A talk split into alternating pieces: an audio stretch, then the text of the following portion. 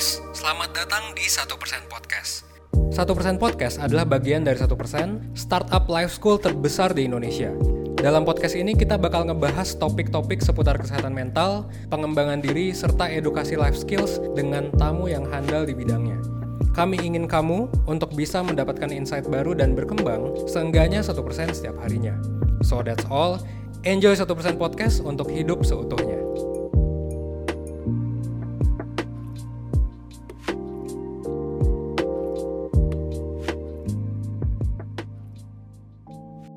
Oke, halo teman-teman perseners.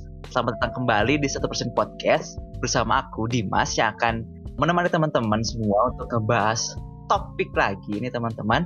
Dan menurutku topik ini cukup relate sih harusnya dengan teman-teman perseners karena uh, ini berkaitan dengan uh, curhat-mencurhat, cerita-cerita dengan orang lain. Topiknya adalah active listening. Mungkin teman-teman ada yang udah pernah dengar dan ada, ada pun yang belum dan tentunya hari ini aku nggak akan bermonolog, aku nggak akan ngomong sendiri tentang listening ini. Aku udah mengundang satu narasumber keren teman-teman dari Biro Rumah Pelangi. Please welcome Mbak Dwiva. Ye, halo semuanya. halo Mas Dimas.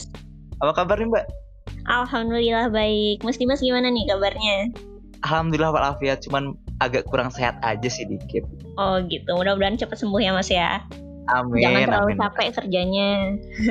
Iya benar. uh, lagi sibuk apa nih mbak akhir ini nih? Ya sibuk sama biro aja sih sebenarnya. Uh, di biro kita lagi lebih ke apa ya? Ke konseling online kayak gitu. Hmm. Terus aku juga lagi juga jadi konselor juga di salah satu universitas swasta di Jogja gitu. Oh gitu. Wah, keren keren mbak. Tapi semuanya WFH ya mbak? Iya lagi WFH kecuali kalau misalnya memang ada kasus-kasus yang darurat yang harus hmm. ada penanganan langsung itu baru kita ada penanganan di kantor gitu atau misalnya ada tes tes oh. gitu itu biasanya langsung di kantor. Tapi pasti mayoritasnya bakal WFH sih ya mbak ya dengan kondisi yang iya kayak gini. Soalnya lagi gini kan ya COVID-nya nggak menurun-menurun. Udah berapa bulan nih? Udah 18 bulan 9 bulan ya, Mbak? Iya, dari Maret, dari awal corona itu kita udah nggak berani sih. Soalnya kan kalau rumah pelangi kan kliennya juga kebanyakan anak-anak ya. Kita nggak mau ambil resiko sih, maksudnya untuk hmm. uh, terapi langsung di biro kayak gitu. Gitu. Jadi sementara memang harus untuk online dulu kayak gitu. Hmm, bener banget sih. Oke, langsung aja Mbak kita bahas topik yang sudah aku sebutin tadi tentang active listening gitu kan tentang curhat-curhatan yang kalau saya bayangin sih mbak tapi menurut saya selain tentang curhat-curhatan active listening itu biasa dipakai di interview sih mbak karena uh, kebetulan saya juga kan ada di bidang psikologi juga jadinya sering dipakainya di interview gitu itu benar nggak sih mbak? Mm -mm. Jadi active listening itu uh, sebenarnya relate banget sih di kehidupan kita sehari-hari ya. hmm. ya. Dan itu merupakan salah satu skill sih. Salah satu skill yang harus kita apa ya? Yang harus kita kuasai gitu. Karena ini akan berpengaruh di kehidupan sosial kita dan juga di karir kita gitu di bidang pekerjaan bahkan di akademis pun nih bagi teman-teman yang masih sekolah atau misalnya kuliah gitu ya ini juga merupakan skill yang penting kayak gitu karena uh, gini nih, Mas Dimas sudah tahu belum active listening itu apa?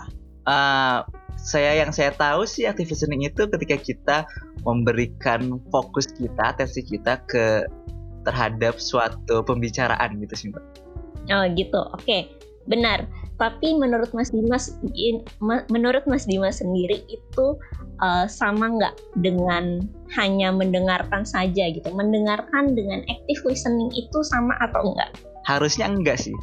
Harusnya enggak. Apa bedanya coba? Uh, dengan ada dengan adanya kata aktif uh, tentu saja harusnya kita tuh bisa apa ya istilahnya uh, bisa lebih aktif gitu dalam menerima informasi. Dengan bisa bereaksi terhadap pembicaraan orang lain bisa uh, mungkin bisa mencatat juga gitu. Mm-mm, mungkin. iya benar banget. Jadi memang itu kita kalau active listening ya namanya aktif ya berarti mm-hmm. kita juga ada proses aktif gitu dalam memberikan respon terhadap pembicaraan kayak gitu. Mencatat itu juga bisa kayak gitu. Jadi tidak hanya pasif mendengarkan gitu, karena berbeda nanti artinya. Uh, saya kasih contoh kayak gini.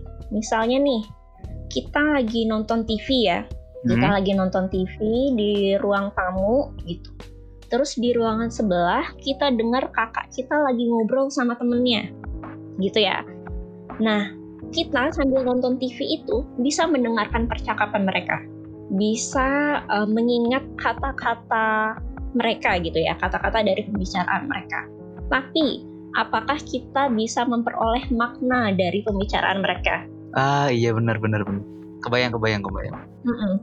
Uh, apakah kita bisa memperoleh maknanya? Apakah yang kita dengar itu apa ya sudah tepat gitu? Karena kita tidak terlibat aktif di sana.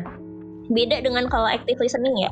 Kalau active listening itu kita secara sadar tidak hanya untuk mendengarkan menggunakan telinga kita, tapi kita juga memahami mereka gitu ya. Kita memahami mereka. Ah iya iya iya kita memberikan respon, kita benar-benar memberikan fokus kita ke pembicaraan mereka, sehingga kita uh, bisa memperoleh informasi itu lebih utuh. Seperti itu. Jadi istilahnya kalau misalnya passive listening itu kita cuma bisa mendapatkan pesan 25 sampai 50% kayak gitu ya. Kalau active listening kita bisa mendapatkan informasi yang lebih dari itu kayak gitu. Gitu sih Mas.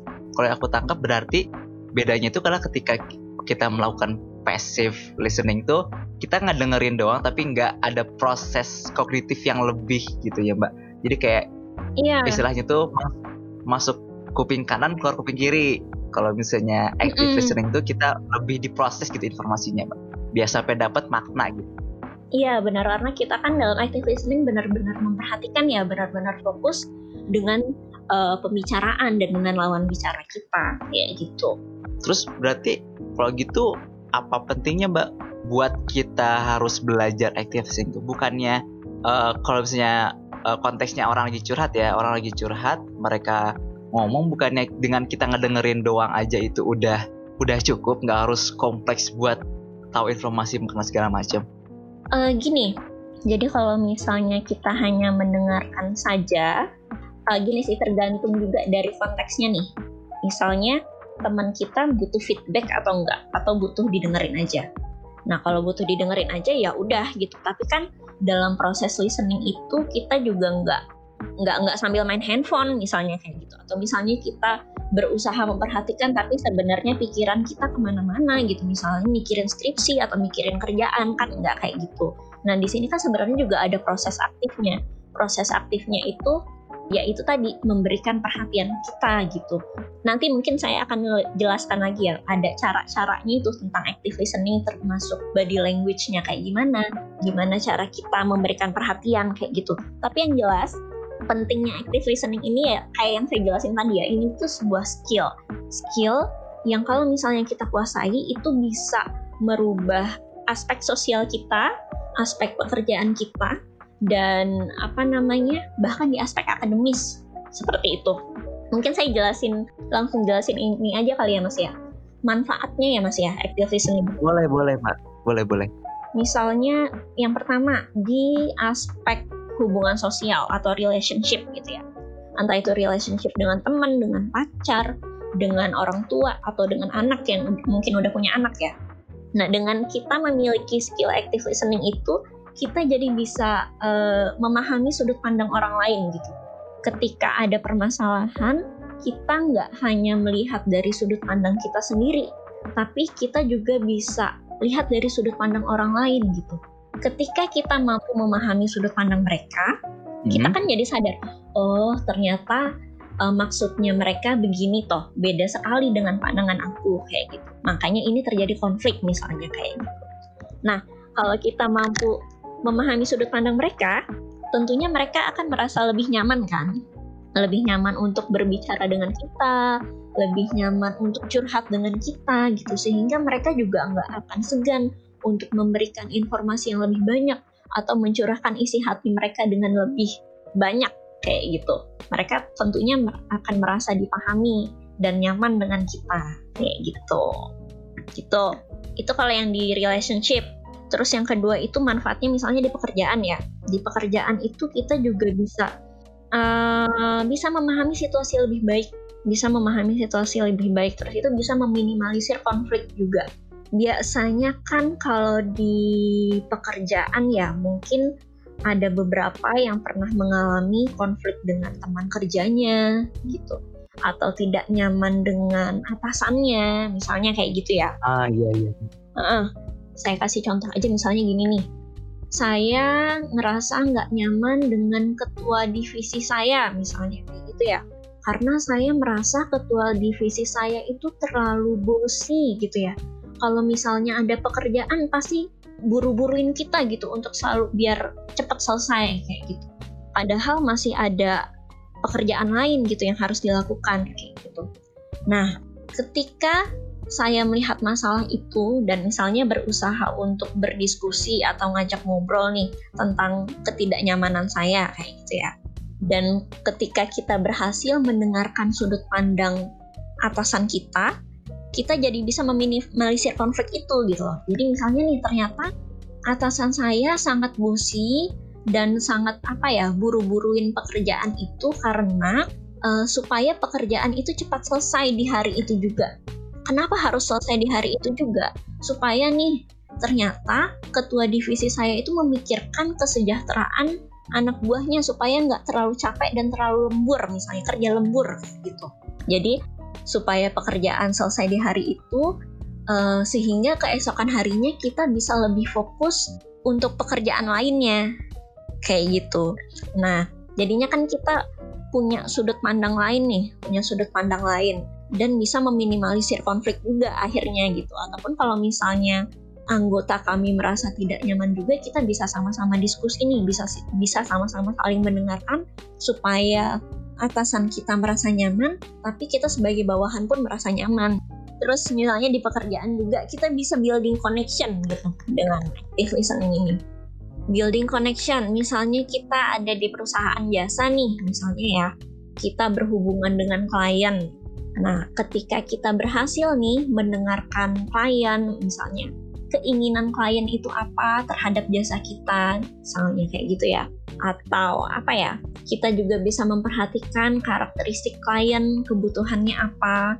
Nah, ketika kita memiliki skill active listening ini, kita bisa menentukan layanan jasa apa sih yang cocok untuk si klien ini. Kayak gitu. Nah, ketika kita berhasil memberikan layanan yang tepat dengan klien gitu, karena proses active listening itu tentunya klien juga akan merasa puas akhirnya dengan layanan kita kayak gitu ya. Ketika klien merasa puas, tentunya hubungan apa networking itu ter, terjalin ya kan dengan kita hubungan networking terjalin. Belum lagi kalau misalnya klien itu merekomendasikan jasa kita ke teman-temannya. Nah, itu kan juga Wah, tambah iya, akhirnya benar, benar. building connectionnya kayak gitu. Terus di akademis misalnya, di akademis jelas sih ini kayaknya. Ketika kita bisa melakukan active listening, ketika dosen memberikan penjelasan atau guru uh, apa memberikan penjelasan, tentunya kita bisa menyerap informasi lebih cepat. Tidak hanya mendengarkan saja, tapi juga aktif memberikan respon itu pasti pengetahuannya akan lebih apa ya, lebih banyak diperoleh dibandingkan hanya mendengarkan saja dan akhirnya berpengaruh ke prestasi belajar kita juga kan.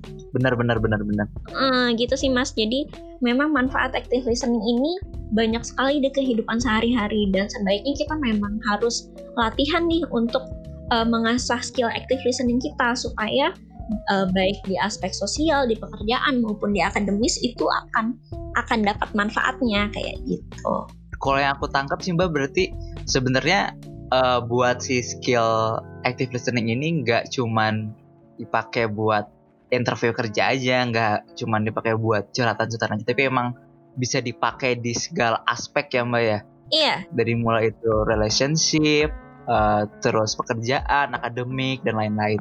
Terus ya aku tangkap sih dari manfaat-manfaat yang udah mbak jelasin tadi, itu tuh semuanya itu terkait berhubungan dengan informasi yang diterima gitu ya mbak. Jadi uh, dengan kita active listening, jadinya kita bisa memperkaya informasi yang kita terima, kita bisa jadi lebih memaknai itu dan juga uh, mengurangi istilahnya miskomunikasi gitu ya mbak?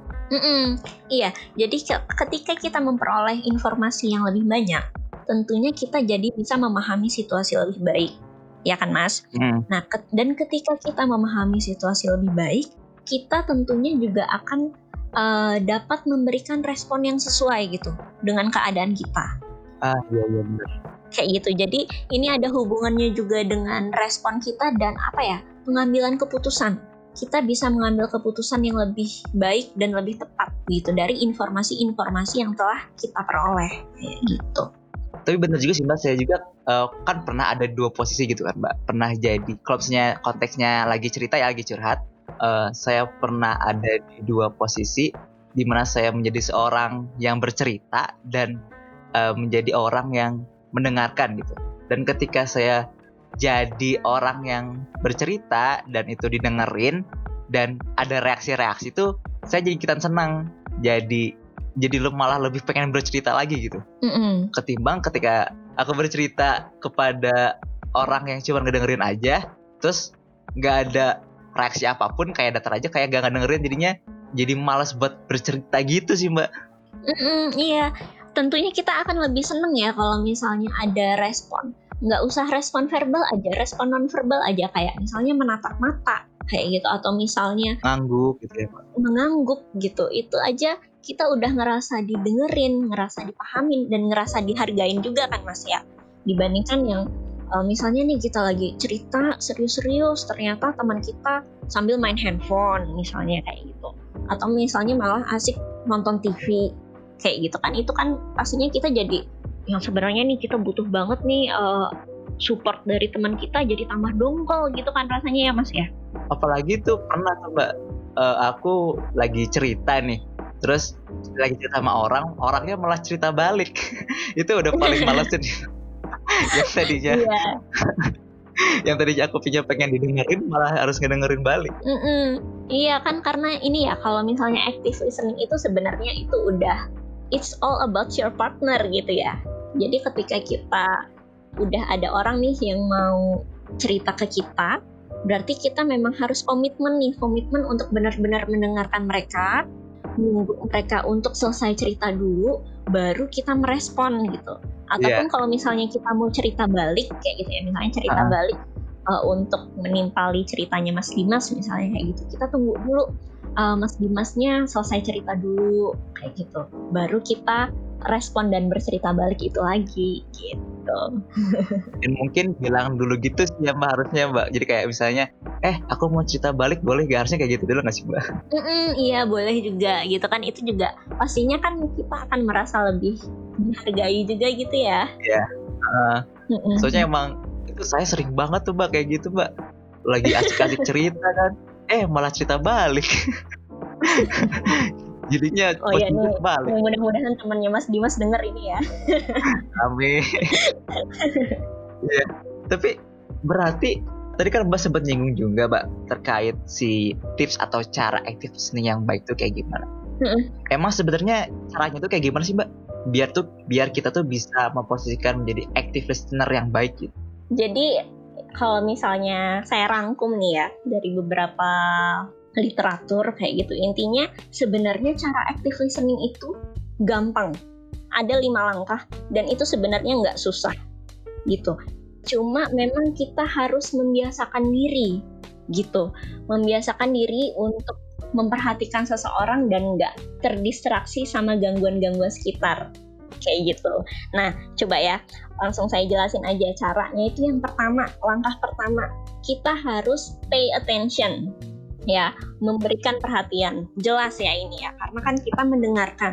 Ketika kita mendengarkan, ya berarti kita harus memberikan perhatian sama lawan bicara kita. Kayak gitu. Gimana sih caranya memberikan perhatian supaya apa lawan bicara itu merasa diperhatikan kayak gitu gampang juga sebenarnya. Dan ini tadi udah kita bahas kilas ya. Dengan kontak mata aja. Yeah. kontak mata ya. Kalau ketika misalnya teman kamu ngobrol dan kita menatap mereka itu pasti akan beda ya rasanya ketika teman kamu matanya ke mana-mana. Atau misalnya tatapannya kosong karena mereka pikirannya ke mana-mana. Ya lagi mikirin skripsi gitu. Iya benar. Jadi uh, penting nih eye kontak ini, kontak mata ini, supaya lawan bicara kita merasa dihargai dan kita juga bisa apa ya lebih fokus gitu untuk mendengarkan lawan bicara kita dibandingkan dengan kita melihat hal-hal lain misalnya kayak gitu. Tuh kontak mata ya pay attention tadi caranya dengan kontak mata. Terus kita juga bisa pay attentionnya itu dengan memperhatikan bahasa tubuh lawan bicara. Apakah bahasa tubuh lawan bicara kita sudah nyaman kayak gitu. Kalau memang sudah nyaman ya udah berarti kita tinggal fokus mendengarkan aja. Tapi kalau misalnya kita merasa kayaknya teman kita ini belum nyaman deh uh, untuk cerita dengan kita misalnya kayak gitu ya. Kayaknya uh, mungkin masih malu-malu atau misalnya apa ya ada ada kita menangkap ada kegelisahan di bahasa tubuhnya kayak gitu. Nah, ketika kita memperhatikan bahasa tubuh lawan bicara kita, kitanya juga jadi bisa apa ya memberikan respon supaya mereka bisa lebih nyaman untuk berbicara. Misalnya gini nih, kita udah memperhatikan teman kita nggak nyaman, kita bisa misalnya ngajakin ngobrol sambil minum teh, kayak gitu, supaya lebih santai, lebih rileks. Atau misalnya nih, ketika kalian ngobrol di tempat yang rame gitu dan terlihat teman kalian nggak nyaman, kita bisa tuh ngajak teman kita ngobrol di tempat yang lebih sepi atau yang lebih kondusif gitu. Mungkin kan kalau misalnya di tempat rame, teman kalian ngerasa uh, nanti malu. ceritanya iya malu atau ceritanya nanti didengar orang kayak gitu. Jadi kita bisa uh, ngajak uh, teman kita itu ke tempat yang lebih kondusif. Nah, kayak gitu. Nah, dengan memperhatikan bahasa tubuh lawan bicara itu, itu kan udah masuk pay attention tuh.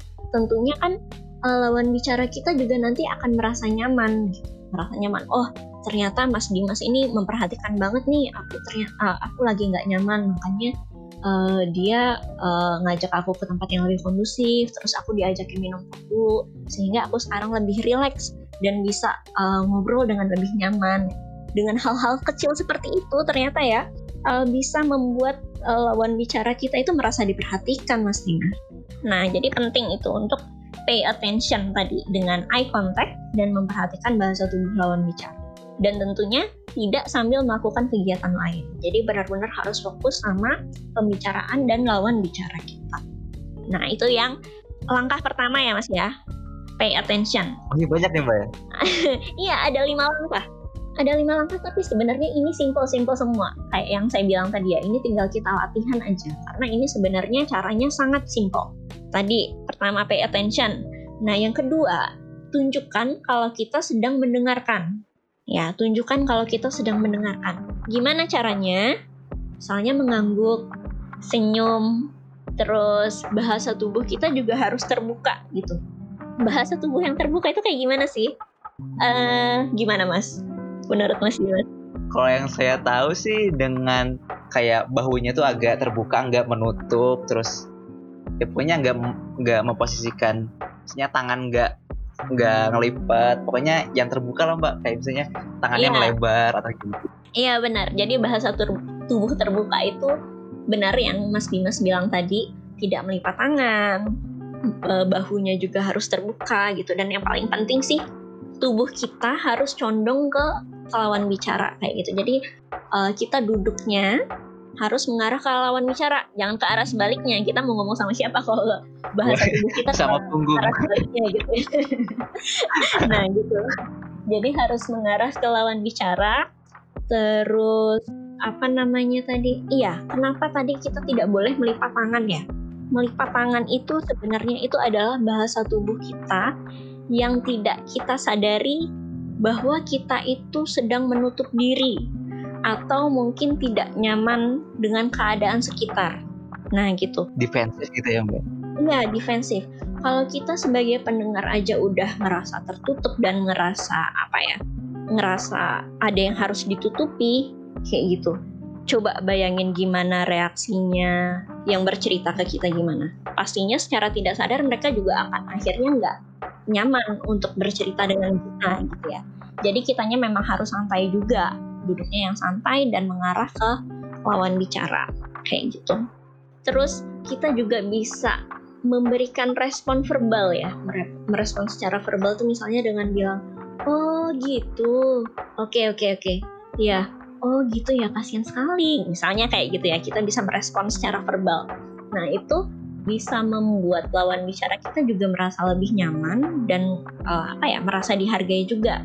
Tapi respon secara verbal ini juga harus hati-hati karena ada juga ya orang yang merespon secara verbalnya itu berlebihan jadi terlalu sering bilang iya iya iya iya ya. oh oh oh oke okay, oke okay, misalnya gitu ya itu kan kita coba bayangin dong kalau misalnya kita lagi bercerita tapi ternyata respon verbalnya terlalu banyak dari yang mendengarkan tentunya itu lama-lama akan jadi annoying juga ya iya ya kan? sih nah iya jadi uh, memang harus berhati-hati juga merespon secara verbal ini uh, yang secukupnya saja dan jangan terlalu berlebihan gitu jadi kita harus tahu nih tempatnya kapan kita harus merespon secara verbal, kapan nggak usah deh, nggak usah direspon secara verbal. Mungkin dengan mengangguk itu sudah cukup. Gitu. Udah dua langkah ya. Nah sekarang yang langkah ketiga, caranya active listening ya. Kita harus merefleksikan pernyataan lawan bicara. Ya, merefleksikan pernyataan lawan bicara. Gimana caranya? Caranya dengan parafrase. Mas Dimas tahu nggak parafrase itu apa? Harusnya tahu sih Mbak. Kalau nggak tahu saya malu jadi mahasiswa psikologi. Ingat nggak? Parafrase itu ketika kita mengutip ulang informasi yang kita terima uh, dari lawan bicara untuk mengkonfirmasi juga apakah informasi yang sudah kita terima dan orang itu sampaikan itu sudah match atau belum kayak gitu. Iya bener, ye. saya tidak gagal jadi mahasiswa psikologi. Iya, jadi parafrase itu kita mengungkapkan kembali ya, mengungkapkan kembali pernyataan lawan bicara dengan bahasa kita sendiri. Nah ini penting. Karena gini, kita ngerasa ketika selama mendengarkan kita itu udah menangkap dengan baik informasi yang diberikan gitu ya. Kita ngerasa udah menangkap dengan baik padahal ternyata uh, maksud yang kita tangkap itu tidak sesuai dengan maksudnya lawan bicara kita mm-hmm. gitu kan nah makanya penting untuk melakukan parafrase ini untuk memastikan bahwa apa yang kita dengar dan pahami itu sesuai dengan uh, cerita dari lawan bicara mm-hmm. gitu Nah, bisa juga untuk memastikan apa ya? Memastikan pemahaman kita sesuai dengan lawan bicara itu kita juga bisa apa? Memberikan beberapa pertanyaan pada lawan bicara kita apa ya untuk menambah informasi dan memastikan informasi yang kita pahami. Kayak gitu. Nih contohnya aja nih ya. Contohnya nih ada ada temen ngomong gini ya, ngomong ke kita gini aku tuh bisa nyelesain skripsi sebenarnya ya aku tuh bisa nyelesain skripsi dengan cepet kok aku tuh udah paham banget sama topiknya karena aku memang udah uh, lama banget uh, meneliti tentang topik ini udah lama banget untuk mencari tahu tentang topik ini katanya kayak gitu. Jadi aku bisa menganalisa permasalahan itu sebenarnya dengan lebih cepat karena aku paham banget sama materinya. Dari segi dosennya pun nggak ada masalah. Dosennya sangat sangat enak untuk diajak diskusi dan diajak ketemu misalnya kayak gitu. Tapi masalahnya aku tuh nggak bisa terlalu capek. Aku tuh nggak bisa begadang kayak teman-temanku untuk mengerjakan skripsi. Jadi waktu pengerjaan skripsiku terbatas misalnya kayak gitu. Nah itu pembicaraan teman kita ya. Kita untuk parafrasenya jadi kayak gini. Jadi kendala skripsimu itu bukan karena kamu nggak paham sama topiknya, bukan karena nggak paham sama teorinya, uh, bukan juga karena dosennya yang sulit untuk ditemui, tapi lebih karena fisikmu ya, fisikmu yang nggak bisa terlalu capek. Nah, itu cara parafrasenya. Itu untuk memastikan bahwa apa yang kita dengar, apa yang kita pahami, itu memang sesuai dengan keadaan lawan bicara. Gitu. Gitu, Mas. Betul sekali, Mbak.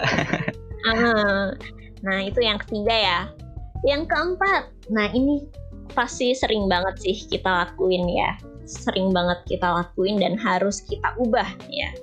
Langkah yang keempat adalah jangan memotong pembicaraan. Nah, Wah, iya ini sih. siapa nih yang masih sering nih kayak gini? Mas Dimas masih sering. sadar sih, Mbak. sering kayaknya.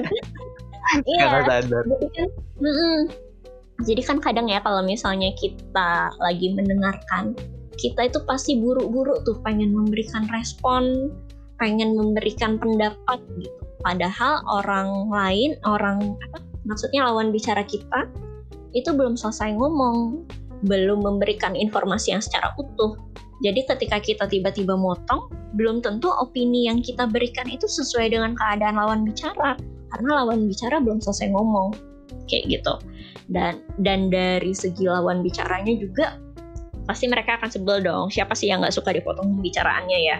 Orang lagi asik-asik ngobrol lagi asik-asik curhat terus tiba-tiba kita potong kayak gitu. Jadinya sebel. Nah dan ini biasanya memotong pembicaraan ini yang sering memicu konflik ya dari suatu hubungan hubungan apa pun itu hubungan uh, percintaan hubungan pertemanan hubungan keluarga siapa pun itu ya itu pasti bisa memicu konflik. Nah, jadi sebisa mungkin nih ketika kita melakukan active listening sabar ya. Otomatis di active listening ini kita juga harus belajar sabar Mas Dimas. Sabar. sabar. Iya benar, sabar untuk uh, menunggu lawan bicara kita selesai ngomong dulu. Sabar untuk menahan diri kita untuk memberikan respon gitu ya. Sabar, harus tahan, tahan, tahan. Sampai mereka selesai bicara, sampai mereka selesai memberikan informasi, baru kita apa namanya? Baru kita kumpulkan informasinya dan memberikan respon. Seperti itu. Gitu. Karena ini balik lagi ke tadi ya. Ketika active listening itu nanti akhirnya adalah it's all about your partner, bukan tentang diri kita lagi ya, tapi tentang lawan bicara kita gitu. Jadi kita memang harus benar-benar uh, menunggu mereka untuk selesai bicara kayak gitu. Terus yang terakhir nih, nah kita udah uh, pay attention tadi ya, kita udah pay attention, kita udah menunjukkan kalau kita benar-benar mendengarkan dengan bahasa tubuh kita, hmm. kita udah parafrase kalimat lawan bicara kita, terus kita udah nggak hmm. memotong pembicaraan. Nah, terakhir baru kita bisa merespon, merespon pembicaraan yang sesuai seperti itu. Nah, dalam merespon ini pun kita harus hati-hati, nggak boleh judgmental ya. Harus tetap uh, harus tetap objektif gitu ya. Tetap objektif, tetap terbuka, tetap jujur, tetap asertif, tapi uh, jangan sampai menyakiti lawan bicara juga. Kita juga harus menghormati lawan bicara, menghormati pendapat lawan bicara. Kalau misalnya pendapat kita sama lawan bicara beda gitu ya, kita harus tetap menghormati mereka kayak gitu. Jadi baru kita memberikan respon. Respon. Mm-mm, gitu mas. Ada. Kalau ya, dari Mbak sendiri ada lima cara gitu ya Mbak? Mm-mm, ada lima cara dan sebenarnya oh. itu cara-caranya simpel kan ya Mas Dimas ya? Iya. Dan saling berhubungan mm-hmm. sih kalau menurut gue Mbak. Iya, saling berhubungan. Tinggal kitanya aja nih melatih diri untuk uh, untuk melakukan kelima hal tersebut karena apa ya walaupun simple tapi ternyata di kenyataannya di kenyataannya kita kadang masih suka lupa dan masih suka apa ya kelepasan terutama yang di memotong pembicaraan tadi. Nah kita benar-benar harus latihan banget sih gitu. Berarti kalau aku rangkum caranya itu ada lima ya mbak ya. Yang pertama tuh ada pay attention, kita harus memberikan atensi kita gitu kan secara penuh kepada pembicara. Terus kita juga harus bisa menunjukkan nih kalau misalnya kita tuh lagi ngedengerin loh bener lagi ngedengerin gitu nggak cuman masuk kuping kanan keluar kuping kiri terus kita juga uh, bisa merefleksikan pernyataan lawan bicara kita itu uh, dengan bisa uh, apa parafrase gitu ya mbak kemudian hmm. yang paling sulit menurut saya itu jangan memotong pembicaraan karena suka nggak sadar yeah. gitu kan terus nih hmm. biasanya kalau lagi dengerin orang kayak gini nggak Terus yang terakhir uh, merespon dengan tepat dan menurutku ya Mbak, uh, ketika mm -hmm. kita merespon pun kita harus balik lagi ke awal tahu konteksnya apakah si pen, si orang lawan bicara kita ini ingin didengarkan saja atau ingin dikasih feedback atau advice gitu. Mm -hmm. biar cocok gitu kan uh, biar kita ngerespon dengan tepat kayak gitu. Tapi Mbak, iya benar. Untuk mencapai cara-cara aktivitas yang ini tuh uh, dari Mbak sendiri ada ada tips nggak sih Mbak biar kita tuh mudah untuk bisa menjalankan kelima cara tadi? Ketika active listening itu kan otomatis kita harus fokus ya. Mm-hmm. Nah, ketika kita harus fokus berarti kita harus meminimalisir distraksi-distraksi di sekitar kita yang bisa mengganggu kita gitu supaya kita bisa lebih fokus. Nah, contohnya aja tadi misalnya mungkin berarti handphone dijauhin dulu nih, handphone dijauhin dulu atau di silence gitu.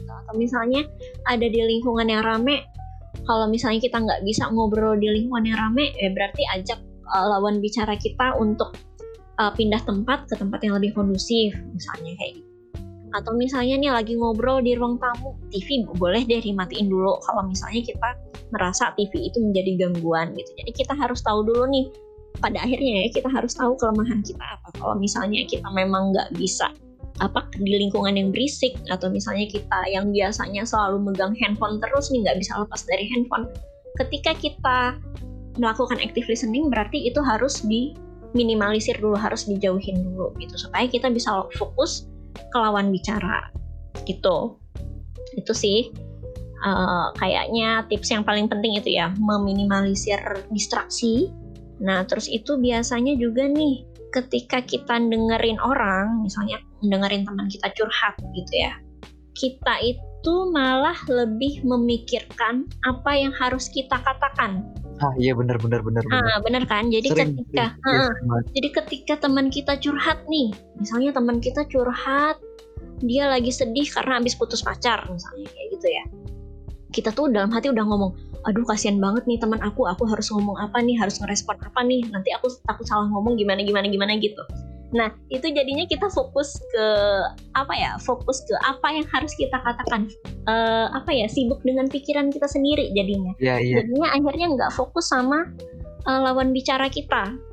Nah, itu sebaiknya dihindari ya. Sebaiknya dihindari karena ketika teman kita ngomong, berarti kita harus fokus dulu dengerin teman kita bukan berarti kita nggak memikirkan sama sekali uh, respon apa yang harus kita ucapkan ya.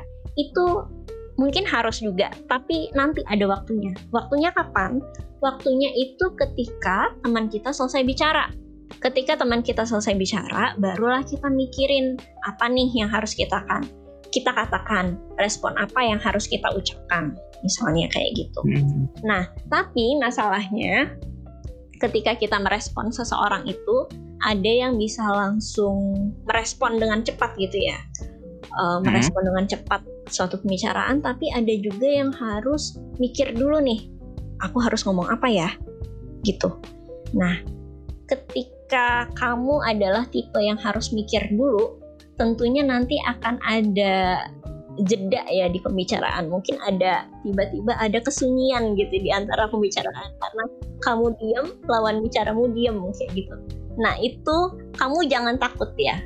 Be okay with silence gitu. Karena nggak apa-apa. Kalau kamu diam untuk memikirkan respon apa yang tepat itu nggak apa-apa. Kalau kamu ngerasa awkward gitu ya tiba-tiba jadi diam kamu jujur aja sama teman kamu. Uh, iya ya masalahmu ternyata rumit juga kayaknya aku harus mikir dulu nih kira-kira apa ya yang harus kita lakukan? Nggak apa-apa kayak gitu. Justru ya lawan bicara kita pasti akan ngerasa dihargai nih.